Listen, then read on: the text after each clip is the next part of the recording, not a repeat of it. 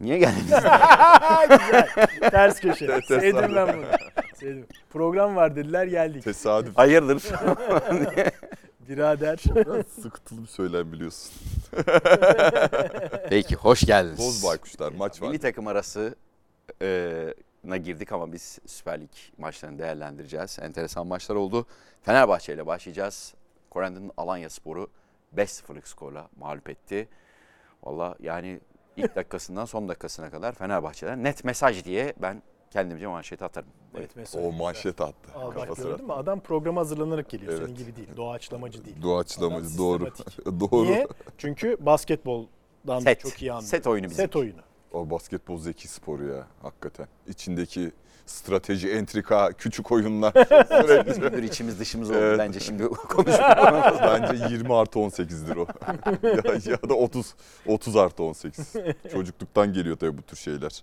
Ya spor spikerliği ve bu işe Gönül veren. gönül vermek. Ben mi manşet atayım? Hadi at bir manşet Ya bakayım. manşet şöyle, bir manşet şöyle. Ben de çalışıp geldim abi. Şunu söylemeyi düşündüm. Ya, Böyle gömleğinin kenar, Dört fişek kenarıyla da oynayacağım dört böyle. B'den emek ege- ben Sizin için hazırlamış olduğum Fenerbahçe değerlendirmesini yapacağım. Jorge Jesus, düşmanları. Güzel. ya o şeyde de yaşlı batıda Apache, bir Apache ağlıyor, gözleri yaşlı diye her şey. Cem Yılmaz'ın filmi var ya sen seyretmemiş olabilirsin. Evet. Orada Şimdi bu özelliği de Nebil Evren'in de. e, evet bu popüler kültürden uzak. Uzak. Şimdi desek Amin Maruf dese ha Semer anlatmaya. Programın kültür seviyesini arttıran şahsiyet Yok kendisi. ya ne alakası var? Hiç hiç öyle bakmıyorum ona. Çok, ya ben çok iyi başladık. absürt komediler çok Absürt şey yapmıyorum. komedi değil, bildiği kaba komedi bu. Neyse işte. Yani Yoksa elması adamın bir de at, at arabası sahnesi var. Şey yapıyor böyle her şeyi çalıyorlar.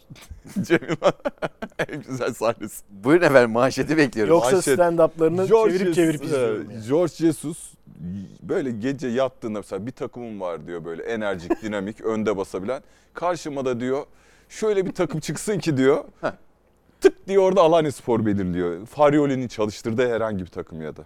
Yani kapasitesi olmadığı halde sürekli ayakta ayağa çıkmaya çalışan, top hakimiyeti futbolu oynayan, B planı kesinlikle olmayan, yani dönemsel olarak zaman zaman bunu iyi yapabilmiş, Karagümrük'te de iyi yapabilmiş zaman zaman bazı maçlarda ama bunu Biglia ile yapmış. Alanya'da Novaiş ile yapmış. Ama şunu da e- şimdi elinde o oyuncu havuzu kalmamış. Yani gerçekten de elinde o tarz futbolu oynayabilecek hani yeniden bir takım kursa belirli bütçeler içine adamları seçecek olsa herhalde bir Efkan'ı tutar bir de Efecan Karaca'yı tutar o 11 içerisinde. Sonrası değiştir hepsinin daha iyisini bulmaya çalışır. Şimdi Tayfur da gitti kalite bakımından takımın üstünde olan bir oyuncuydu. E, böyle olunca da yüksek yoğunluklu presse ve iç sahada 41-45 bir Fenerbahçe taraftarı olağanüstü pozitif bir hava ve Fenerbahçe'nin elindeki kadro çok çeşitli güçlü. Ya 5 çıkartıyor 5 çıkıyor hiçbiri sırıtmadan aynı şekilde devam ediyor. E, çok çok rahat bir galibiyet oldu. Fenerbahçe olağanüstü iyi futbol oynadı. Ama bu rakiple oynanıyor. Rakibin de durumunu test etmek lazım. Böyle oynayarak bu futbolcu kadrosuyla bu B planı olmadan Kadıköy'e gelir 5 ucuz kurtuldu yani. Alanya Spor. Evet. Yani 6.yı zaten teknik olarak Batu Şua'ya atmıştı. O bence maçı Fenerbahçeliler ah be oldu. yani hiç girmeseydi keşke kötü tat bıraktı. Çünkü şu anda Batu Şua'yı çok iyi başladı Dinamo Kiev maçında ama e, yine bir önceki deplasman maçı deplasman Avrupa maçı Avrupa maçı 2-2 biten Ren maçında da bir pozisyonu var. Ceza sahası içerisinde üstüne vurdu. Burada da şunu görüyorsun Batu Şuay ile ilgili. Ya orada bir golcülük yapman lazım. O kaçırdı işte Alanya Spor maçı. Ters tarafa öyle gördüğü tarafa doğru vuruyor. Kaleci de zaten ha bu taraf boş diye oraya boş olan tarafa atlayıp kurtarıyor. Ya Batu Şua'ya topa vurmayı bilmiyor mu diyorsun? Yok ben öyle şey. yok yok. Hayır yani Ben- bu maçla ilgili bence Fenerbahçelilerin aklında kalan en son aklıma da 6. golde öyle kaçtı. hiç. Evet. Batu Şuay ondan bak ikinci yüzde yüzünü harcadı. Şimdi bunlar şey yapılacak. Gol yüzdesi tutulacak ki ben hani geçen programda söyledim çok atacağına inanıyorum. Çünkü Fenerbahçe çok pozisyona giriyor. Ben sana kısmen katılıyorum. Aa. Şöyle ki yani evet Alanya Spor'un oynamak istediği oyun Fenerbahçe gibi çok baskı ve pres oyunu oynamaya çalışan bir takımın evet ekmeğine yağ sürüyor. Kabul ediyorum. Ama Fenerbahçe bunu çok iyi, çok yüksek düzeyde ve çok iştahlı bir şekilde yapıyor. Kayseri Spor'u da kapattı Fenerbahçe. Doğru. Alanya Spor'u da aynısını yaptı. Ve yani eee, Kadıköy'de bence hemen hemen her takıma bunu yani yapabilecek kapasitesi var. Ve bence burada kırılma anı Kırılma anı. Crespo'nun ilk 11'e girmesi oldu. Onu ayrıca konuşabiliriz. Eee, çünkü hep Fenerbahçe Arao işte üçlü veya genelde üçlü oynadı da bu maçta dörtlü oynamak zorunda kaldı. Çünkü stoperi kalmadı elinde sakatlıklardan dolayı. Üçlünün önüne Arao, onun önüne işte Zayt ve benzeri İşte daha Ümraniye ofansif, maçını okurken Ümraniye maçı, Lincoln Demirspor şey- maçı yani kazanılan Demirspor maçı dahil buna. Ama ne zaman ki yani iki maç üst üste bunu gördük. Bu 10 maçlık bir seriye dönüşecek mi dönüşmeyecek mi şu anda bilmemiz çok kolay değil ama ne zaman ki savunmanın önüne Crespo Zayt ikilisi gel- geldi o zaman o rakibi kapatma, boğma hali üst seviyeye çıktı. Şimdi belki izleyiciler diyor ki e, o zaman Aykut Kocaman'ın günahı neydi? Joseph Topal oynamaz yan yana diyordunuz diyor olabilirler. Ama o takımın da böyle bu kadar hareketli ön tarafı, bu kadar dinamik, bu kadar eee, şey yani böyle bir kıyaslamaya girmek istemiyorum ama yani çünkü daha önceki yıllar içinde yaptığımız yorumlarla çelişiyormuş gibi bir durum olabilir. Ama gerçek bu. Bir de burada asıl ana plan 3 stoperle tabii. Ya bence öyle o Aykut. Kocaman güzel karşılaştırma yaptığına bence oradaki esas e, konu Aykut Hoca'nın dik oynamama yani Aykut Hoca'nın Yana, maçları geniş. ya 15'er dakikalık periyotları rakibe göre daha böyle enine boyuna planlaması. Yani George Jesus benim diyor ki ben bu oyunu oynayacağım.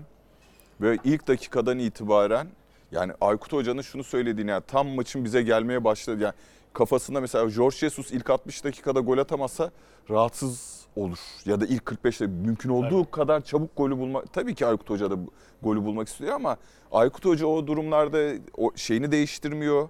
Rakibi bükmek denilen şey tabir ben çok sevdiğim bir tabir. Onun dünyası içerisinde, o futbol bakış açısı içerisinde. Çünkü ben diyor fizik olarak daha güçlüyüm diyor. Belirli yerleri işlersem diyor elbet ben golü bulacağım diyor. Ve bu zamanın böyle aleyhine geçmesi, 0-0'ın devam etmesi çok rahatsız etmiyor. Jorge Jesus'u rahatsız ediyor. Çünkü Jorge Jesus Marsilya formasında yazdığı gibi adı Fransızcasını okuyamayacağım da e, doğrudan kaleye, doğrudan gole. Ya doğrudan şey Evet. eveleyip gevelemiyor. Ya orada Joseph Topal birlikte oynamazı şimdi olsa Joseph Topal yine birlikte oynar. Yani Arao iyi bir futbolcu. Arao özellikle bence Fenerbahçe'nin oyuna kattığı boyut şu. Çok iyi diagonal top atıyor ya. Çok iyi uzun top atıyor. Yani bu önemli bir meziyet. Bu özellikle kapanan takımlar karşısında belki Alanya bu anlamda çok zorlamadı ama o işte kaymayı zor yap zor yapıyor takımlar. Dengesi bozuluyor.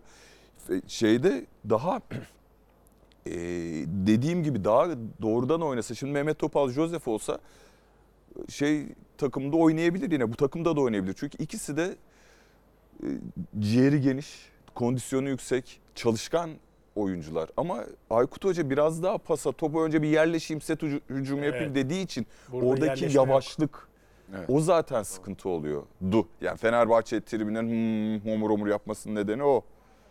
Ya e, ben mesela E son sezonunda da en fazla gol takı- atan takım olması notunu şuraya bir daha e, iliştireyim ama yani. 4-2-4 gibi diyebiliriz herhalde değil mi? Yani e, Şöyleydi yani top kanatlar geride Fenerbahçe'deyken geliyor ama. Arao top Fenerbahçe'deyken Geride.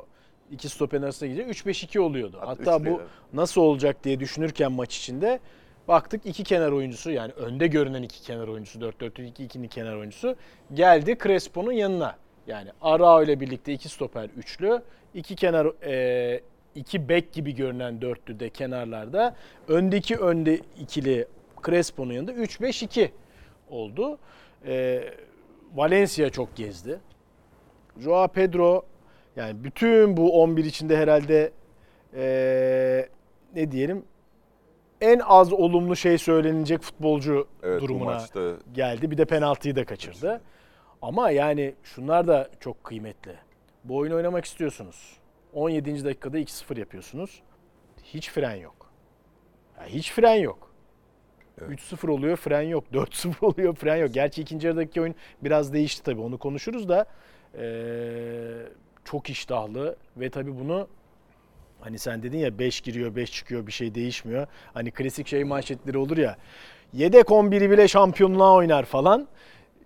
Öyle bir iddia değil ama hakikaten yedek kulübesine bakınca yani onlardan hangi oyuncu 11'de olsa şaşırırsın diyeceğimiz oyuncu yok. Ya Fenerbahçe taraftar şimdi biraz sonra Beşiktaş'ı konuşurken farklı bir şey söyleyeceğiz. Fenerbahçe taraftar en azın en basitinden ya bir hadi 3-0 4-0 Arda Güler girsin yapıyor. Yani İrfan Can ilk 11'de değilse girsin yapıyor. Ya diyor şu Mert Hakan da diyor giren yedektekileri de seyretmek için sabırsızlanıyor. Oyuncu değişikliği vaktini bekliyor. Yani bugün Joshua King yoktu. İşte bu haftaki maçta ya da ki Batshuayi ilk on Batshuayi Yok Hangi Joao Pedro şeydi. Pedro Joao Valencia. Pedro Valencia'ydı. Yoktu. Bekliyor yani dolayısıyla büyük bir güç. Ya tabii esas güç yani bugün her takımdan birini önüne çıka- çıkartabiliyoruz. Fenerbahçe işte maç sonu görüntüleri de belli. George Jesus. Yani hakikaten takım yıldızı. Bunda bu değişik değişik kadrolar kurduruyor. Kuruyor. Avrupa maçından 8 farklı 11 8 farklı oyuncuyla lig maçına çıkıyor. Kimse başka birisi olsa bu kadar gü- güvenilir olmasa işte bu karizma kurduruyor bu kadroyu da. Futbolcuları da ikna etmiş durumda bu konuyu. Çok zor bir şey. Ee, Jesus'un açıklaması bu arada kaleci İrfan Can dışında hem oyuncu her oyuncu süre aldı. Asıl olan çok oyuncuyla değil az oyuncuyla savunma yapmak. Takımım da bunu en iyi şekilde yaptı. Çok daha iyi olabiliriz. Ya e, bence Jesus böyle bir gollere de sevmiyor ya. Belki Evet, değil mi? Öyle bir şey de var. Bakıyor eller cepte devam ediyor Sonra falan. saçını şey yapıyor. Hafif bir toparlıyor. Düşünmeye Herkes devam. muhabbetini yaptı. Ben de yapayım böyle Alex Ferguson gibi iki, çiz sakız atıyor herhalde ağzına. Ha, olabilir. olabilir. Ee, oturdu. Evet arkadaşlar rakibi söyleyin bana. Analizcilere sordu. Analizciler de dedi ki e, hocam bu takım bayağı pas Ya obsesifi. Saygısızlık yapmak istemiyorum. Yani- Kaç maçını seyredik alan gerçekten de yani işte Beşiktaş'a 3-0'dan nasıl döndüğünü anlayamayacağım. Yani hakikaten Valerian İsmail gitsin kafasını taşlara İlla işte vursun. ayakta yerden çıkmaya çalışıyor. Pasla çıkmaya çalışıyor. Hoca da bakıyor öyle sakız çiğnemeye devam ediyor sırada. Bakıyor öyle devam ediyor. İyi tamam. O zaman ön tarafa dörtlü basarız. Pres yaparız. Arkaya ortaya iki kesici koy. Tamamdır biz bitiririz bu işi deyip bir baktım 5 çıktı yani. Hani bu kadar basit değil tabii de. Ee, ama o kadar kadrosuna güveniyor. Yani bu maç işte Rossi olsun, Emre olsun. Hani Joshua King yok dedim. Evet, hayır, Emre Mor mesela bu maçta Emre Mor- Mor vardı. Bir diğer maçta Emre Mor olmuyor. Emre Mor girsin diye bekliyor Fenerbahçeliler. Arda Güler zaten fix bekleniyor da. Ben evet yani o Arda beklentisini çok iyi anlıyorum. Çok iyiydi yalnız maç sırasında çok özür şey önce Arda Arda diye bağırdı. Ondan sonra Jorge Jesus hani Arda Evet, evet. Arda, arka arkaya Hocam yani. yanlış anlamayın. Yani, Yani sizle bir ilgili sokarsanız yani Arda'yı çok oyuna. güzeldi. Yani bir Bir ona teşekkür oluruz. Abi çünkü orada şöyle bir şey var tabii. Yani evet taraftar da o durumu iyi yönetti hakikaten. Ama e, Arda beklentisini anlamamak mümkün, Mümkün değil. değil. Yani biz de Arda'yı izlemek istiyoruz. Pırıl pırıl bir genç, acayip yetenekli, çok daha ileriye gideceğini öngörüyoruz falan ama bu Jorge Jesus bunu yönetmekte hiç zorlanmaz da yine de böyle şu anda Fenerbahçe'nin odağı Arda'nın süre alıp almaması değil. Fenerbahçe'nin odağı şampiyon olup olmamak. Biraz Ee, da olsa keşke. Ha? Biraz da olsa o da Ama ger- gerçek yani gerçek. yani gerçek bu. Bir de öyle bir kadro kuruldu ki yani hem derinlik olarak hem de o pozisyonda o kadar çok oyuncu var ki. Hem de bu kadar yüksek fizik kalite isteyen bir oyun oynanırken. Yani şimdi teknik direktör bir Söylüyor karar zaten. verdi. Bir karar verdi. Diyor ki ben yüksek kalite fizik istenen bir oyun oynayacağım oynayacağım dedi.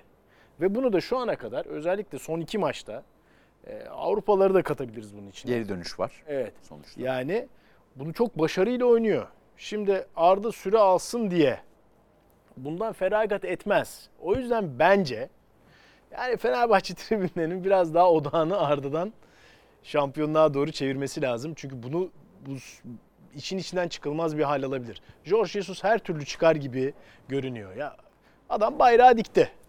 Yani şu anda zaten kariyeriyle çok kuvvetli bir CV ile geldi. E, zaten beklentileri yükseltti daha gelirken ama şu anda da Karşılığını verdi. Evet oyun olarak en azından ve yükselen bir performans da var. Yani ve hem oyun olarak hem taktiksel değişiklikler eee, hem rotasyonu uygularken sonuç alabiliyor olması hem rakip analizleri yani şu ana kadar hakikaten kusursuza yakın bir performans gösteriyor Jorge Jesus. Tabii ki zorluk derecesi yüksek maçlar daha da gelecek. Zor deplasmanlar olacak. Biraz Fenerbahçe'nin bir Evet görecek fikstür avantajı görece fikstür. yaşadığını söyleyebiliriz bu Evet. aşamada. rahattı. Ee, bu da elini güçlendirdi oynatmak istediği oyunla ilgili. Ama bayrağı dikti yani. Konya Spor maçında bile kaybedilen Konya Spor maçında bile e, 10 kişi kalındıktan sonraki hamleleri de takdir gördü. Mesela. Jesus'un doğru hamleler yaptı dedi çoğu kişi. Serdar'ı soktu ön alanda baskı Evet. vesaire gibilerinden. Onu da bile e, ama Ya Dediğin gibi bakalım. işte şimdi şunu da bir de şeye temize çıktı mı temize mi çekti diyeyim kendini akladı mı diyeyim. E, aklamak aslında suçluysanız değil de şu anlamda çok fazla transfer yapıldı ya ve Evet. bundan rahatsız olan yani çünkü görece olarak çok iyi Doğru. bir sezon sonu geçirmiş olan Fenerbahçe ok gibi yukarı fırlamış bir önceki teknik direktörle. Onun mirasını reddedip ya o iş öyle oraya kadar gelirsin ama dedi. Eğer şampiyon olmak istiyorsan bu temel üzerinden 15 katlı bina çıkamazsın. En fazla 10 katlı çıkarsın dedi. Bütün binayı yıktı. Ki O- sezon başında 12, kendi 13 de futbolcu. kendi de başkan da ya çok fazla transfere ihtiyacımız yok gibi görünüyor. Ya max demesine 6'ymış. rağmen. Ma, ma, birinci, max 6 transfer üzerine anlaşılmış ama kampa gidince, görünce, futbolculardan birebir tanıyınca, ne alabileceğini görünce bu iş bir anda şeye doğru gitti. 12-13'e ve o konstrüksiyonu ya da o temeli yeniden atıp binayı yükseltti. Onun için hani güven ortamında %100 sağlamış durumda. Yani rüzgarı arkasına aldı Fenerbahçe. Bunun devamında ne olur? göreceğiz. Göreceğiz. Milli takım arası dönüşünde de derbi var. Beşiktaş Evet. e, Fenerbahçe derbisi. Olacak. Onu da ayrıca konuşuruz. Çok istatistikler var hazır ama o- onluk bir maçlık bir durumumuz yok. Fenerbahçe'yi ağırlıklı konuştuk. Şimdi Fenerbahçeler haklı olarak 6 maç 20 gol. He. Türkiye Ligi gol rekoru Fenerbahçe 88-89. O dönemkinden iyi bir başlangıç. Fenerbahçe tarihinin en iyi başlangıcı. En iyi başlangıcı. 6 maç. O dönem kaç gol atmış Fenerbahçe? 13 mü? 13. Ben İyi. baktım çünkü. Ama o dönem sonra ben ya dedim o zaman bu şey nerede patladı gitti Fenerbahçe 88-80. Ee, Kasım'la Mart arasında bir periyot var. 3 Tabii buçuk Fener- gol ortalaması yakalanmış. Yani Eskişehir'e 6 tane bir ona Adana Demirspor'a Eskişehir'e yedi, Adana'ya 6 falan diye öyle gidiyor. Zaten Hasan Vezir devre arasında gelmiyor mu o takıma? Evet devre arasından Ben- daha önce eskiden yani o işte- pencere daha yok yapabiliyorsun Tamam. şeyde. Geçelim o zaman Galatasaray'a. Galatasaray'da e, bu haftaya kadar e, kalesinde gol görmeyen bir Konya Sporu mağlup etmeyi başardı. Daha ilk dakikada gol geldi Sergio Oliveira ile ve sonrasında da e, kazandı. Ama burada daha çok tabii e, oyunu yine değerlendirelim. Ayrı Okan Buruk'un e, sözleriyle ben direkt e, atayım pası. Memnun değil oyundan. Kazanmış olmasına rağmen Ne diyor Okan memnun Hoca? olmadığını dile getirdi. Bir Okan Hoca'nın açıklamasını rica edelim. Ee, oyunla ilgili açıklamasını. Ekrana gelirken yani bu e, Evet. neyse gelsin. Yani Geçen hafta daha mutluydum diyor. Kasımpaşa maçı. İstatistiklere baktığımızda topla oynama ve gol beklentisinde çok üstün olsak da bize yakışan istediğimiz oyunu ortaya koy- koyamadık diyor.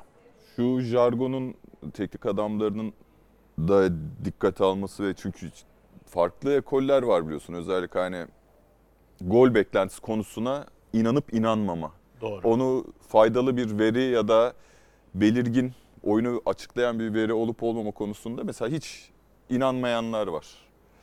Bir de bazı teknik direktörler, bir Okan Hoca, Jürgen Klopp da buna direkt olarak şey yapıyor. Yani maç sonu röportajlarında referans olarak rak- verdiği rakamlardan bir hani koşu mesafesi bir ara çok şeydi ya Evet. bu kadar koşmuşuz diye oyunu onun üzerinden açıklamaya çalışan teknik adamlar vardı. Bu XG çıktığından beri e, son 3-4 sene, 4-5 senenin belki değil mi? Sen evet 90 evet. artı yaparken böyle bir XG Yok henüz. yoktu. Biz o zaman ama Optay'la çalışmıyorduk tabii. Ee, Ama yayıncı kuruluş yeni. şeylerine de girmemişti. Sen evet, de evet, belki yeni, çalıştın. yeni.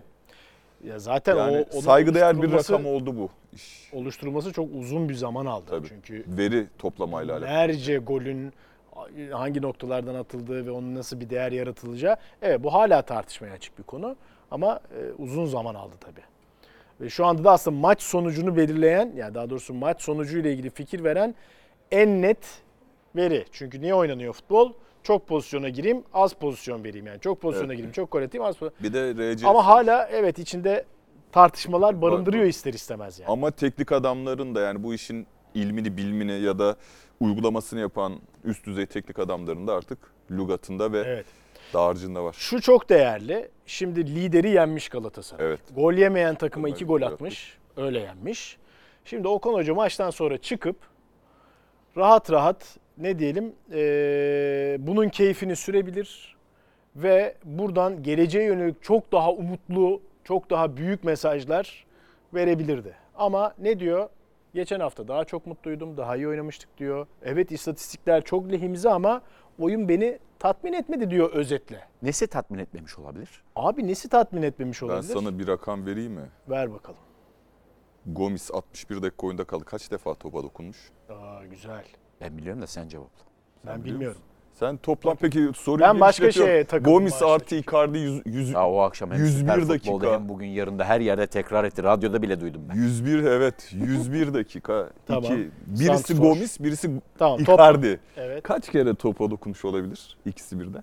İki farklı, bir farklı rakam var. Birisi şey Sofa Score'da bir fa- Ya fark değişiyor. etmez. Icardi'nin sırtına çarpan bir top var ya onu İki oluyor temas orada, iki Yedi mi, oluyor. yedi mi 8 mi? Kaç? Ya Gomis 7 kere, Bak.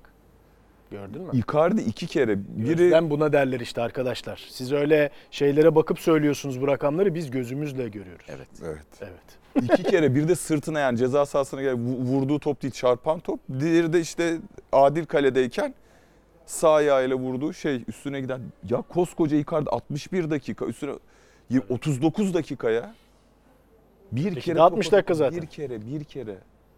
Aslında Ya bunu zaten görünce benim bunun bence altındaki nedenleri sen söyle bakalım neden.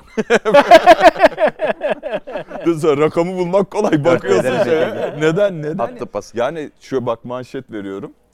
İyi dinle. Çalışmadan gelmişsin diye hep bunları buraya yazdık. Bak burada bizim de kendi defter belki yok ama. 8 Gomis. Bu inanılmaz bir rakam. Ya inanılmaz futbol oyunda yani inanılmaz derken hayat memat meselesi değil de Okan Hoca'nın bunu çözmesi lazım. Oradan devam edelim. Sence ne? Ciddi soruyorum yani bunu. Nasıl aşacak? Yani manşet veriyorum demiştim ya özür dilerim. Şöyle bir gerçek var. Galatasaray forveti yalnızlığı diye bir şey oluşmaya başladı. Seferovic'i kötülemiyor muyuz? Ya çok formsuz, çok. E, e, Gomis, Icardi daha gol sayısı da Galatasaray standardının altında. Bu kadar az topla buluşursa forvet atamaz. Mertens ben de övüyorum yani zaten benim en sevdiğim şey yıldız olup sebatkar, cefakar, çalışkan futbolcudur. Mertens'de var mı? Var. Geriye dön- dönüyorum ama Mertens oralarda topla buluşunca Oliveira da top taşıyamayınca ne oluyor? Orada böyle şey ekran olsa da keşke hop diye yuvarlasak. E koya bu programı da ekran önünde yapalım istiyorum. Ve yani bak şey Bui'nin uçmasına rağmen Kerem'le şeyin Yunus kardeşimizin içeriye doğru girip daha yakın oynamaya çalışmasına rağmen 9'a o şeyi kuramıyor yani bağlantıları. Pas oyunu oynayan 3 tane oyuncu koyduk. Defansif anlamda Sergio ve Gomez'in verimli olmaması kırılmamıza yol açtı. Önce baskı içinde e, tüm takımın önde baskı içinde pardon. e, tüm takımın çıkması gerekiyor. Bu dinamizm bizde genel olarak yoktu. Ben buna yani Okan Hoca Sergio Oliveira ile Gomis'in top rakipteyken yapamadıkları üzerinden Evet. e, bir eleştiride, öz eleştiride bulunuyor. Ben Sergio Oliveira ile ilgili top Galatasaray'dayken yapılamayanlarla ilgili bir öz, eleş- öz eleştiri, eleştiride bulunacağım. Sergio Oliveira'nın ilk yarıdaki top kaybı 9. Yani nasıl Galatasaray hücum edecek ki? Yani Galatasaray'ın bağlantı oyuncusu çünkü Sergio. Hatta burada sorun olduğu için Mertens de biraz bağlantı oyuncusu oyuncusu gibi olmak. oynuyor mecburen. Halbuki Mertens'in en efektif, ol- efektif olduğu Kaleyle yer kalenin önü. Lazım. Kaleyle bağlantısı E, onun olması kaleyle bağlantısı olması lazım. Sergio Oliveira'nın da oyunu, oyunu kaleye taşıyan adam olması lazım. Evet. Ama e, yani Sergio Oliveira evet inanılmaz bir şut yeteneği var. Duran toplar Evet. okey. Hatta transfer döneminin Mertensler gelene kadar en parlak oyuncusuydu Galatasaray'ın. Ama Mertens Giller. Mertens Giller, evet Mertens, işte Mata. Icardi, Mata filan bunlar gelene kadar. Torreira. Ama şu anda bence Galatasaray'ın orta sahaya bir bireye indirgemek istemiyorum. Burada topyekun bir organizasyon problemi var ama Galatasaray'ın en sorunlu oyuncusu o üçlüde şey Oliveira. Katılıyorum. Hem top kaybı yapıyor Hem hem de defansif olarak da katkı sağlamıyor. O zaman çözüm ne? Şu olabilir. Zaten bu kadro kurulurken hep kafamda "Cık, Torreira, Oliveira, Mertens. Ya bu zor. Yani bu, bu zor işler diyordum. Bence buraya Oliveira'nın yerine nasıl Fenerbahçe'de Arao'nun yanına Crespo girince tempo arttı, baskı arttı.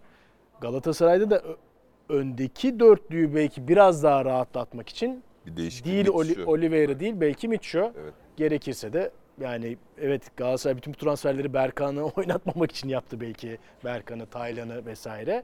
Ama Berkan. Şimdi Oliveira'yı planlıyorsanız transfer listenizde e, 4-2-3-1'den çok 4-3-3 yani Oliveira, Mitchell, Torreira mesela. Bir üç en başta şey söylüyorum. En başta planlar Evet. yani. Mertens gelmeden önce. Yok Mertens mesela Giller Mertens yok. kanatta e, Kerem, Kerem, Yunus oynayacaksın. Önde de bir bitirici olacak. Ki Icardi de belki sonradan girdi. Başta yoktu planda. Hani daha başka Evet. Evander konuşuluyordu mesela. Evet, Değil Evet. mi? Ee, daha forvet arkası. forvet arkası için Mertens sonra oldu. Hani Oliveira gibi bir isim varsa böyle bir orta saha kurgusu yapmanız lazım. İki orta saha oldu mu? Mesela geçen Emre ile de konuşuyorduk. Ee, Prandelli'nin e, Galatasaray'a geldikten sonra şöyle bir teşhisi olmuş. Ee, Selçuk Melo orta sahası ya o zamana kadar hep. Ondan sonra da biraz daha devam etti. Ama Selçuk Melo ikili orta saha oynadı- oynadığında ve önün 4-2-3-1'e döndüğünde Galatasaray o kanatlar o orta sahaya yardım etmiyorsa ikisinin üstündeki yükü kaldıramıyor şeklinde bir teşhis olmuş. E Selçuk Melo en başarılı ne zamandı? 2011-2012. Engin sağda, Tabii, Emre, Emre solda. solda. Hadi bir sezon sonra Engin e, dışarıda kalmak durumunda kaldı. Orada Cüneyt kadro Çakır çok değişti. sonra. Snyder girdi, Drogba girdi. Üçledi ama orta saha yine bir yardımcı var. Hamit geldi Evet. bu sefer de. Hamit Selçuk Melo oldu. Snyder önde oldu. E, s- Oliveira e, Torreira oynuyorsanız da buna benzer ya kanatlar tam lazım. yardım edecek. O evet. Ama sağ içi önlem alacak. Mertens'de olmaz sırf yani. ben niye Oliveira'yı çıkartıyorum? Şundan dolayı çıkartıyorum. Çünkü Mertens'i çıkarmak istemiyorum. Evet. E, Ya tabii Yani Mertens kadar büyük bir alındıysa- kaliteyi evet Ve gerçekten de bu arada hani performans ortaya koymaya çalışan bir Mertens var ortada. O zaman burada hangisini çıkarayım diye düşünüldüğü zaman pardon Mertens kalsın. Ben Mertens varken göre bir çözüm bulmaya çalışayım ve Doğru. evriliyor iş ister istemez. Liderlik de yapıyor çünkü. Yoksa senin dediğin de bir formül. Yani Liderlik. Torreira, Mitchell, Sergio Oliveira da bir formül. O zaman Mertens dışarıda kalıyor. Zaten de Mertens'i kenara atmaya kalkarsan bu sefer yerli sayısından problem yaşıyorsun. Yaşarsın. Ya dinamizm Gibi gibi. diyor ya Evet. Okan Hoca. Dinamizmi ya şimdi dinamik oyuncuyu öldük bayıldık lazım. tamam. Mertens'e öldük bayıldık. Icardi öldü bayıldık. Daha bak ya yakın geçmişin en önemli orta saha oyuncularından bir diğeri daha. Mertens aslında bir forvet şey. Mata da var. Ya, sonuç itibariyle oynayacak kişi sayısı belli. Oynayacak mevkiler de belli. Bu adamlar Yabancı belli. aslında belki evet bundan 7-8 sene önce olsaydı Mata 25-30 yaş aralığında olsaydı Mertens 8 sene önce dedi ya. 30 30 yaş aralığında olsaydı bak o dinamizmi çünkü o İtalya liginde o Evet. dinamizmi sağlayan adam burada da sağ ama tabiatın gerçeklerine aykırı insan gerçeklerine. Bu dinamizmi senin dediğin doğru belki bak isteme isteme Berkan'a dönmek zorunda kal. Eğer dinamizm de buluyorsa bu kadrodan dinamik bir yapıcı. Torreira ölür ya bak. Oraya oraya Tek garip. başına olmaz. Yo tespit bence Saydo dedi ya geçen Saydo tek başınaydı, Aurelio tek başınaydı diye. Ya geçen haftadan örnek vereyim. Galatasaray orta sahası çok rahat geçiliyor dedi diye altta bir sürü eleştiri yorum vardı ya. Galatasaray en çabuk topu kazanıyor. Siz ne yorum yapıyorsunuz, ne hangi maçı izliyorsunuz falan diye. E Okan Hoca söyledi bu hafta. Hadi buyurun. Aynen. Yani. Ve zaten aslında iki kişiyi iş- işaret ediyor ya. Gomis ve Sergio Oliveira diyor. Şimdi Gomis'in yerine girecek oyuncu kim normalde? Icardi. Icardi. E, Icardi Gomis'ten daha mı çok Baskı yapar. Hayır değil. Seferovic orada en çok baskıyı yapabilecek. Yapabilecek. Geriye bir tek Sergio Oliveira kalıyor yani. Zaten yani başka bir çözüm yok gibi görünüyor. Bu takım zaten genel itibariyle dinamizm sorunu olan bir takım. Yani Evet. oyuncu profili itibariyle zaten hani evet bana dediğin gibi kızlar bu takımdan dinamik bir oyun beklersek zaten yanlış bir beklenti içine gireriz. Bu takım çok topa sahip olup Kaliteyle çok pas dövecek yapıp rakibi. bireysel kaliteyle. kalitelerin önüne çıkmasıyla ancak Çok geriye ilerleyebilecek, koşmayacak. sonuç alabilecek bir takım. Ama ne olursa olsun bu topu illaki bir kaybediyorsun Yani evet. Bu top 90 dakikanın tamamında sende kalmıyor. Kaybettiğin zaman da ne yaptığın çok önemli oluyor. E bir de topu kaybetmesin diye sahada bulunan oyunculardan biri de ekstra top kaybı yapınca bu sefer oyuna hükmedemiyorsun. Tamam Konyaspor zor rakip. Konyaspor defansif olarak güçlü bir rakip. Konyaspor'a belki işte Kasımpaşa'ya girdiğin kadar, Gaziantep'e girdiğin kadar pozisyon Gidemiyor, üretmekte tabii zorlanabilirsin. Buna bir itirazım yok. Ama Galatasaray birinci dakikada öne geçiyor. 15. dakikada 1-1 oluyor. 1-15 arası pozisyonu yok Galatasaray'ın. Ya bir tane mi geçiş yakalayamadı Galatasaray? Evet. O coşkuyla kendi evinde 50 bin kişi gelmiş. 60 Yani küsürüncü dakika. her yani. her takımın iç saha maçı şampiyonluk maçı gibi oynanıyor. Süper Çok- bir çok atmosfer var atmosfer. yani. Evet bütün statla yani Trabzon'da da, İstanbul'da- Vodafone'da da, Kadıköy'de de Galatasaray Nef- mükemmel nef- yani. nef- her stadyumu. her maçın sonunda da oley oley oley Evet, bu evet, sene herkes- şamp- ya, şampiyon cimbom bom diyor yani, Kadı evet, Fenerbahçe. evet. Ya bö- müthiş bir sezon başlangıcı. Gerçekten Ama- çok güzel. 2 1-15 arası zaten bir gösterge oluyor biraz. 2 Okan Hoca'nın yerli şeyinden dolayı elinin çok zayıf olduğunun farkındayım. Ama yani ilk 45 dakika bu orta za- zafiyetini göstermişken ikinci yarıya ben açıkçası bir, bir de 1-1 maç. Hani 1-0 önde olsanız ya biraz daha bunu göreyim, biraz daha idare edeyimi anlayabiliyorum ama 1-1 kötü bir oyun. Kalenizde te- tehditler var. Direkten dönen toplar İlk yarı- var. İlk yarı Yani ilk yarı Galatasaray'ın mi? XG'si daha yüksek ama Konyaspor'un girdiği işte net gol pozisyon çok net sayısı pozisyondan gol attığı için altı pastan vurduğu bir vuruş Tabii, da zaten. evet. Muhtemelen onun XG'si Evet. 0.85 bire yakın yani. 90'dır Evet, yani. Aynen. Şöyle bir şey var. Ee, çekici attı değil mi golü? Evet. Ne- çekici. Nereden Bak, vurdu? O İşte 25. falan. Aynı ona benzer o mesafelerden kaç şut çekti Konyaspor? Bir, bir tane genç çekicinin direkten dönmedi mi? Evet direkt var. Gördü vurdu, gördü vurdu. Niye? Oliveira, Torreira geçtikleri an, O var. gördüğünüz an vurun demiş İlhan Palut. Olabilir. Orta sahayı geçtiniz, gördüğünüz an vurun. Biri gol oldu zaten, biri direkt oldu. Evet. Bir tane Muslera mesela e, kurtardı. Evet. Muslera'nın iki tane Ee, muazzam yine Muslera'nın yakın mesafe var iki olduğu tane. iki Aynen. kurtarışı var. Yani tek eliyle falan kurtarıyor ya top girdi de- derken bir an cırt diye Dalsim gibi çıkartıyor kolu. Ha burada yani az Z kuşağına hitap ettim diyeceğim. Çok özür dilerim. muhabbete birleştirme şöyle yapayım. E, Kerem'le Yunus'un belki de normalden e, çarpı iki daha çok savunmaya katkı vermeleri gerekiyor ki ancak orta saha He. geçişleri şey olsun. O zaman olabilir. Ama Çarpı 2 3 olması bugüne lazım. kadar pek yapmadılar şimdi ya. Bir de dediğim gibi yani bu futbolcuya kolay kolay yüklenebilecek bir özellik. O biraz e, şeyden Yani gel, karakteristik özellik olması Okan Hoca'nın oyunculuk dönemindeki gibi. Takım boyunu kısaltman lazım. Takım boyunu kısalttığı zaman stoperleri öne çıkartmak lazım. Stoperleri öne çıkartmak mesela Fenerbahçe ile ilgili bunu konuşmadık ama riskli futbol oynuyor Fenerbahçe. Doğru. Baskı yapıcı. Çok Galata- alan bırakıyor. A- alan bırakıyor yani orayı değerlendirebilen işte Ümraniye Spor değerlendirdi onu. Şey, Doğru. be, iki pas gönderdi ileri. Sürekli Konya çıktı. Spor sürekli denedi. Hep bir, kaç offside oldu ilk yarısında Fenerbahçe maçı. Neyse Galatasaray'da ama şimdi bunu bu savunma dörtlüsü ya da tandemiyle ikilisiyle oynayabilir misin? Emin'le ve Vitor Nelson'la ya da Abdülkerim Bardakçı gelecek oraya. Bence ana problem orada Şey için diyorum ana problem aslında ikinci topları kazanmak az koşmak ya. evet. Az koşmak için alanı daraltmak lazım. Evet. Onun için söyledim. Evet. Geçen hafta demiştik takım boyu Yani uzun Galatasaray. Şöyle. Geniş. Gustavo Henrique ile Salah'ın arkasına da etkili doğru koşu, doğru pas zamanlamasıyla top atılırsa onlar da problem tabii. yaşar. Oradaki as- asıl mesele stoperler değil. Değil, orta Tabii ki sahada. onların aldığı pozisyon çok çok hayati. Yani hep Alex Ferguson'ın en önemli iki oyuncu stoperleridir de- demesi geliyor aklıma. İki açıdan dolayı. Hem top kendisindeyken aldığı pozisyon ve rakibi kapatma alanı daraltma açısından hem de oyun kurarkenki becerileri açısından bunu söylüyor Alex Ferguson. Ee, ama asıl problem yani sen ne kadar savunmayı öne çıkartırsan çıkart eğer orta sahada o baskıyı yapmıyorsan zaten çok daha büyük bir riske girmiş oluyorsun. Ee, Savunmanın arkasına rakibinin geçme ihtimali çok çok yüksek. Ya yine Fener maçına döneceğim de paralel kurduğumuz için oluyor. Yoksa Yo evet güzel bir paralellik oluyor yani. Şey ya Araun, Efkan'ın aldığı top var. Kaleciden direkt ayağına topu aldı. Bir dönemedi. Sonra bir pas opsiyonu vardı solda sağda.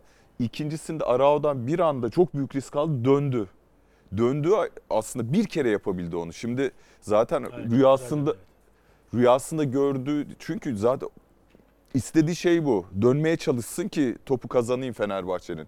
Onu yapabilecek Biglia olsa daha farklı olacaktı. Efkan büyük risk aldı ve bir anda önünde şeyle yüz yüze kaldı. Çünkü zaten 6 numara yaya bastığı için arkası İkisi de. bomboş bir alan. İkisi de. Evet. Arau'da Crespo da yayda basıyor. Yayda oyun kurarken Alanya'sı. Bir çıktı sonra devamını getiremediler ama bu bir maçta bir kere oldu. Bunu iyi takım yani orta cezalandırır.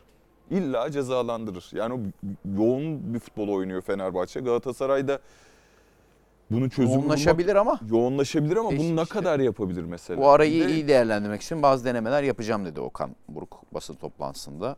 Evet. Ee, hazırlık maçları çerçevesinde bir şeyler deneyeceğiz. Baskıyı yoğunlaştırması bana çok kolay görünmüyor. Bence Pası bu- yoğunlaştırabilir. profil, oyuncu Topa sahip zor. olmayı yoğunlaştırabilir.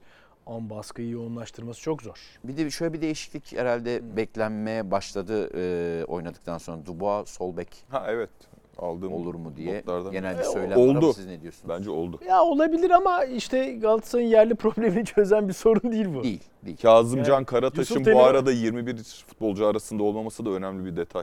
Mesela. Evet doğru. Yani Kazımcan çünkü hep bu ilk haftalarda yerli formülü çözsün diye ya zaten Fananol dağlara taşlara vuruyor kardeşim Kazımcan Ümit milli futbolcu koyunu oynasın deniyordu. Deniliyordu. Okan Hoca son hamlesi yani şeyde bile maç içinde sıkışırsa mı bile Düşünmemiş. düşünmeden Kazımcan'ı devre dışı bıraktı. evet. Evet yani Emin'i oynatma tercihi bu arada Abdülkerim e, yoktu yedeklerdeydi. Kart cezasının bitmesine rağmen. Rağmen. bitmesine rağmen. E, ara ara hatalar yaptı. Evet. Bir tane Orada şunu da düşünüyor hatta, olabilir. Karşı karşıya kaldı. Yani ikinci yerli stoperi daha aktif kullanmanın iki sebebi. Bir gerçekten Abdülkerim oynamadığı zaman Emin'in daha özgüvenli, daha çok süre almış bir şekilde oynaması veyahut da belki de Abdülkerim'den önde de görüyordur bazı özellikleriyle. Olabilir. İki, belki bazı maçlarda Nelson'u göreceğiz yedek kulübesinde. Mecbur kalacak yani. Türk stoper yapacak. Belki yani Olabilir. başka çaresi yok yani iş şeye kadar vardırdık ya işte Muslera bazı maçın Tabii belli Okan- bölümünde oyundan çıkabilir. O yüzden o elindeki yerli şeyini arttırması da lazım bir yandan. Bu arada Emin'in çok genç olduğunu da unutmamak lazım. Hatalar yapıyor da ilk maçına 17 yaşında girdiği için ve kiralık gidip geldiği için Lan hala 19 19 yaşında. Çok Evet. genç bir oyuncu da. Oldu ama bayağı maç sayısı. var. Oynadı, düzenli oynadı. Top tekniği çok iyi o. Bence. Düzenli Çok oynadı. Biraz daha Kısa ara şey ne Rigobertson Galatasaray'dan örnek vermek istiyorum. Stefan iyi stoper dediğin stoper topu taca atmaya yeri geldiğinde çekinmeyecek. bilecek. Yani Emin istemiyor tabii onu. Evet. E, onun için elden top veriyor yani. Evet. İki maçta stoper elden top vermemesi lazım. Geçelim Beşiktaş'a. Beşiktaş İstanbulspor deplasmanında 2-2'lik skorla berabere kaldı. İstanbulspor bu maça kadar toplamda 2 gol atmıştı. Beşiktaş karşısında 2 gol buldu. Ee, yani yorumlaması zor. Valerian İsmail cezalı olduğu için kenarda değildi. Murray kenarda e, yer aldı. Ersin çok eleştiriliyor. Ersin Destanoğlu çok eleştiriliyor. Ee, Abi Yani- o, o konudan başlayalım bence. öyle başlayalım. Evet. Buyur. Evet eleştirilebilir, kötü gol yiyebilir. Ben bu dönemde doğru bulmasam da yuhalanabilir de bu sonuçta Tepkidir. izleyicinin Evet. evet oyunun gerçeği. Tepkisidir. Ama maç, Maç sonu- bittikten sonra S nokta nokta git Ersin diye bağırmak, hakaret etmek. Ya bu kim olursa olsun. Bugün Ersin olur, yarın Necip olur, öbür gün işte Ara olur, öbür gün Mertens olur. Fark etmez yani. Ya bu gerçekten anlaşılır bir durum değil yani. Yani mantıklı değil, anlaşılır değil, efektif değil, hiç hiçbir şey değil. Şeydi yani bu kadar can acıtmaya yönelik, kendi altyapına can acıtmaya yönelik. Yani ıslık falan değil.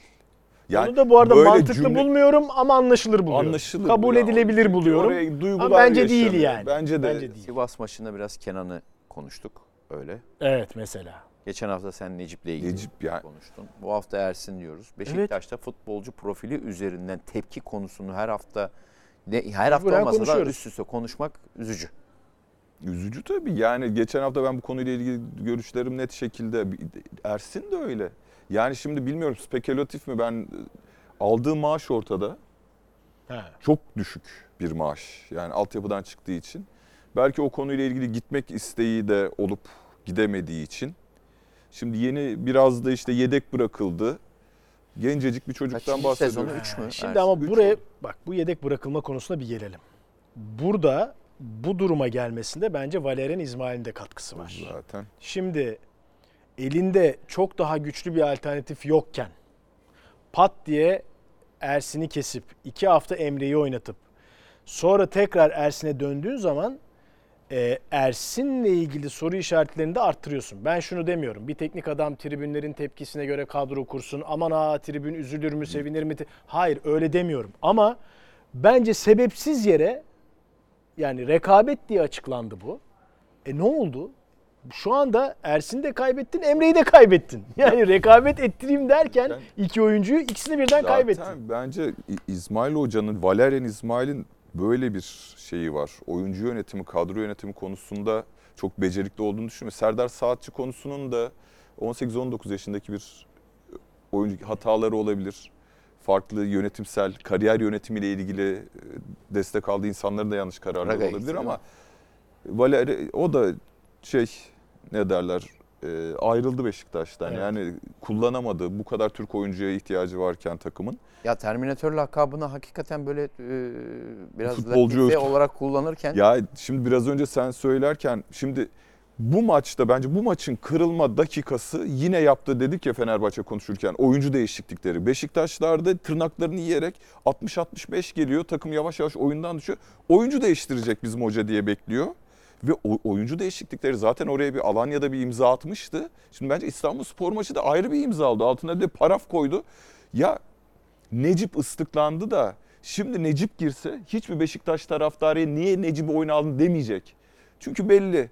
Stoper sakatlandı. Sakatlanmış. Yerli. Yer- ya sen gidiyorsun takımın en deneyimli yıldız oyuncularından Rozier'i Rozier. ortada fol yok yumurta yokken karıştırmak pahasına onu oraya çıkart da sağ beke Tayfur'u al da sırf Necip'i almamak için Necip'i illa bu sezon içinde yine kullanacaksın. Yani bunu şey tırnak içerisinde kan davası gibi ya da hani orada hatayı yaptı ben orada anında ya o da hatalı dedik ya bütün tribünü adamın başının üstüne indirdin. Aynen çıkartır. Çıkart. Ya bu adam bak başkası olsa o iş yedek kulübesinde yine Necip güzellemesi yapacağım. Necip sustu, yutkundu. Gitti efendi gibi. En basitinden işte Rozier formayı çıkarttı daha sağdan çıkardı. Belli. Direkt şeye doğru gitti. Bu artı bir maç 2-2'ye geldi. İki soyunma odasını kaybetmek için elinden geleni yapıyor. Valentin Rozier. Elinden geleni yapıyor. Yani Necip bu takımın lider oyuncularından birisidir. Beşiktaş dedik ya ruhunu, şeyini, karakterini koyan Evet, oyunculardan biridir. Ve etrafında da ben Necip'in güçlü bir seven halkası olduğunu düşünüyorum.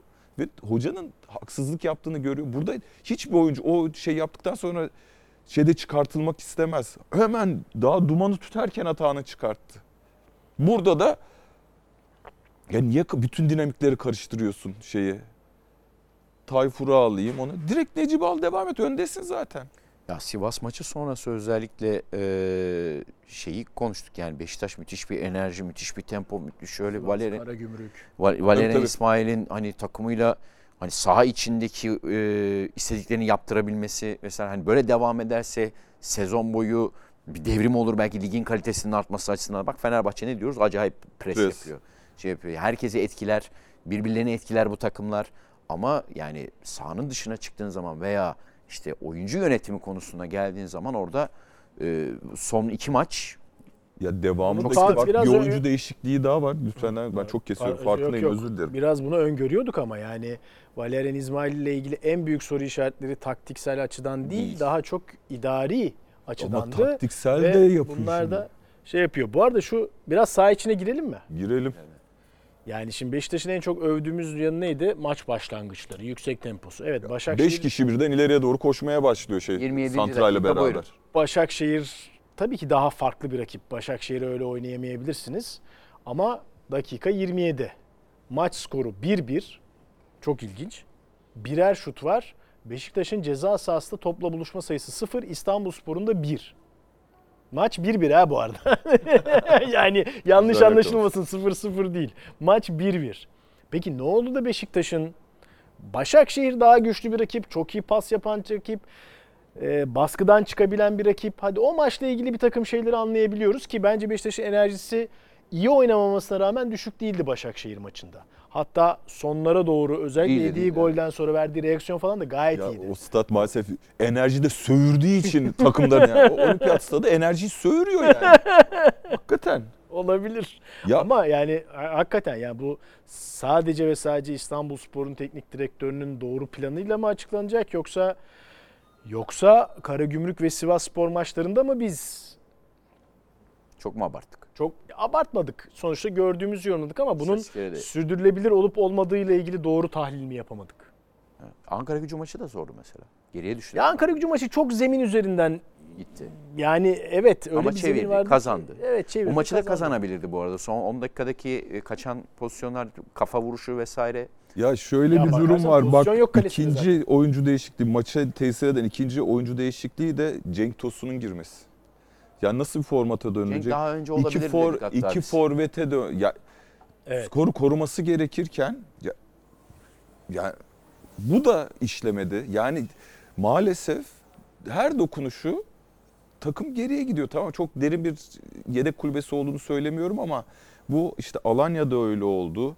Ee, kontrol gidiyor. Oyuncu da ben ilk defa oyuncu değiştirsin diye işte Tolga geçen maçı söylüyordu. Karagümrük maçı da biraz daha olsa gidecek şeyi ne derler. Oyunun dengesi gelemeyen Karagümrük gelmeye başladı gözünün önünde. Ve oyuncu değiş, değiştirdikçe güç kaybediyor ve sadece girenlerin yeterli yetersiz olmasından değil, yanlış formasyona. Yani aynı anda Vegors ve Cenk'i oyuna Evet. alıyor. Orta saha boşalıyor. Gibi çok ciddi taktiksel hatalar da yapıyor gibi gözüküyor. Ee, Ve de derbi var bu arada. Pardon. Evet. Yo yo bitirdim. Dönüşte de derbi maçı var. Beşiktaş Fenerbahçe. Ya bu eğer böyle Beşiktaş iç sahada bu şeyi kırmak isteyecektir. İlaç gibi maç Beşiktaş için. Kazanırsa yeniden sular Ama durulur 15 ama gün ama- süre var. Hem saha dışını toparlayabilmek, biraz daha kendine getirebilmek adına oyuncular hem de kendi açısından iletişimi güçlendirebilmek açısından Ya fırsat. Eski tarihi filmlerde şey vardır ya böyle şövalyeler gelir miğferlerini şey yapar böyle mızrakları da vardır böyle ellerinde koyar böyle geniş şey. Birbirlerine doğru koşar öyle bir maç olacak. Yani Duello, düello olacak yani silahlı değil de mızrak. Anladım. mızrak kim daha güçlüyse diye. Çünkü ikisi de eğer bu bu gördüğümüz ilk 6 hafta 7 hafta kimse 7 hafta oynadı anlayışla çıkacaklarsa sahaya ya Herro ya Merro ya da yumurtaları birbirine vuracaklar yani. Evet. İki pres takımı. Ne olduğunu göreceğiz. Son bölümde Trabzonspor'a değinelim. Trabzonspor 9. dakikasında 2-0 geride olduğu maçta 3-2'lik skorla kazanmayı başardı. Son şampiyon Apoletli Trabzonspor Gaziantep karşısında. Ne diyorsunuz? Yani temposu baskısı iyiydi. Üretim kalitesi açısından tartışılabilir. 2-0'dan sonra ben bir geri dönüş sinyali gördüm. Döner dedim. Evet, Baskısı yani- ve pozisyon bulmaya başlaması. Trezeguet de iyi bitirdi. Ki yani işte 44 ceza sahası topla buluşma. Bakasetas'ın 21 şut. döneni var. Yani. 8'i isabetli falan. Yani oraya doğru gidiyordu maç. Ee, Kırılganlığını aşmış oldu. Çok önemli bir 1-0'dan eğer gidip bu 2-0'dan dönmek psikolojik olarak da 3 puanın yanında arda arda alınan büyük bir- birbirine bağladığın zaman buradan ya burada da bir mağlubiyet olsaydı bayağı krize girerdi yani. 38 yıl sonra şampiyon yapan Çok teknik sıkıntı. adam olmuş olmasına rağmen yeni sözleşme imzalamış olmasına, olmasına rağmen, rağmen e, ciddi bir yani krize girerdi. Ee, geçişten gol yiyen bir takımdık. Gaziantep karşısında duruş hataları vardı ama rakibe geçiş vermedik. Bu oyuncu grubu vazgeçmiyor. Trabzonspor zaten vazgeçmeyecek. Evet bu mesajı ya tam biraz da yerinde işte vermiş oluyor yani. şampiyon kadroya geri döndü Abdullah Avcı. Olabildiğince elindeki sağlıklılardan. Yani doğru. e, işte Canini de dahil olmak üzere. Ee, zaten şampiyon kadrodan gidenler Vakayeme ve Cornelius gitti. Yerlerine çok fazla oynamadan Hamşik döndü. Yanına Siopis koydu. O alışkanlıklarını devam et. Önlerine Bakasetas'ı koydu. Bakasetas. Ki orada farklı alternatifler değerlendirebilirdi. En azından yeni transfer G- Gbamen oynat dedi ama bu birbirini bilen oyuncularla bir oynayalım. Yine tutalım ama hiç beklediği gibi de maç başlamadı. Ee, yani hakikaten şey olabildiğince yine şampiyon kadro diyorum 1, 2, 3, 4, 5 kişi de koyabiliyor zaten şampiyon kadroda. Çünkü çok değişti. E, yavaş yavaş çok moral getirecek bir şey. 2-0'dan sonra dediğin gibi hani o maçın öyle bitmeyeceği. Ve bu Belli. psikolojiyle 2-0 geriye düştü. Erol Hoca'nın da tabii yine değerlendirme yapması gereken bir karşılaşma. Daha çok Galatasaray maçı da Evet. keza değil mi? Ee, ki 10 kişi kalmıştı galiba. Galatasaray 10 kişi oynadı. Bir devre. Bir devre. Yani ona rağmen mağlup burada 2-0'ı koruyamadı. Son gol işte tartışma yarattı ama sonuç itibariyle e, kazanan Trabzonspor. Önemli bir virajı döndü Trabzonspor. Bence de eğer yani sezon sonu şampiyon olur olmaz şampiyonluk yarışında kalırsa bu maç Bu maç, bu maç. U dönüşü maçı yani. Yani bir şey inşa edilecekse bu maçın üzerinden Evet, inşa aynen. edilecek. Yani ve de ipucu da şu. işte orta sahadaki üçlü yani çok transfer yapıldı oraya tamam. Yani Bardi'yi de oynatıyordu ya Bakasetas'ın yerine. Yani Bardi'ye ben hep soru işaretiyle yaklaşıyorum. Yani Trabzonspor'da 10 numara oynayacak oyuncunun işte Bakasetas'ın iyi durumu gibi olması lazım. Bardi yumuşak ve o yumuşaklığını sübvanse edecek gol ve pas sayısına da asist sayısına da ulaşabilecek bir oyuncu değil gibi. İyi bir alternatif olarak İyi bir görünüyor ama alternatif. planı onun üstüne kurmak Do- bence doğru de. değil gibi. Ee, Galatasaray maçında da öne geçip kaybediyor bu arada Gaziantep. Evet, Ve Evet, 10 evet. kalıyor. Ben şimdi Evet, ona evet. bak Sagal atmıştı golü. aynen aynen. Ona baktım. Burada da 2-0'dan mağlup oldu. Ee, ikinci mağlubiyetini aldı Gaziantep'te. Diyelim o zaman noktalayalım. Evet. Bence de. Peki e, efendim XF de haftayı değerlendirdik. Milli takım arası var. Dönüşte derbi maçı da olacak. Hepsini yine Nebil Evren ve Ege ile birlikte değerlendireceğiz. Şimdilik hoşçakalın.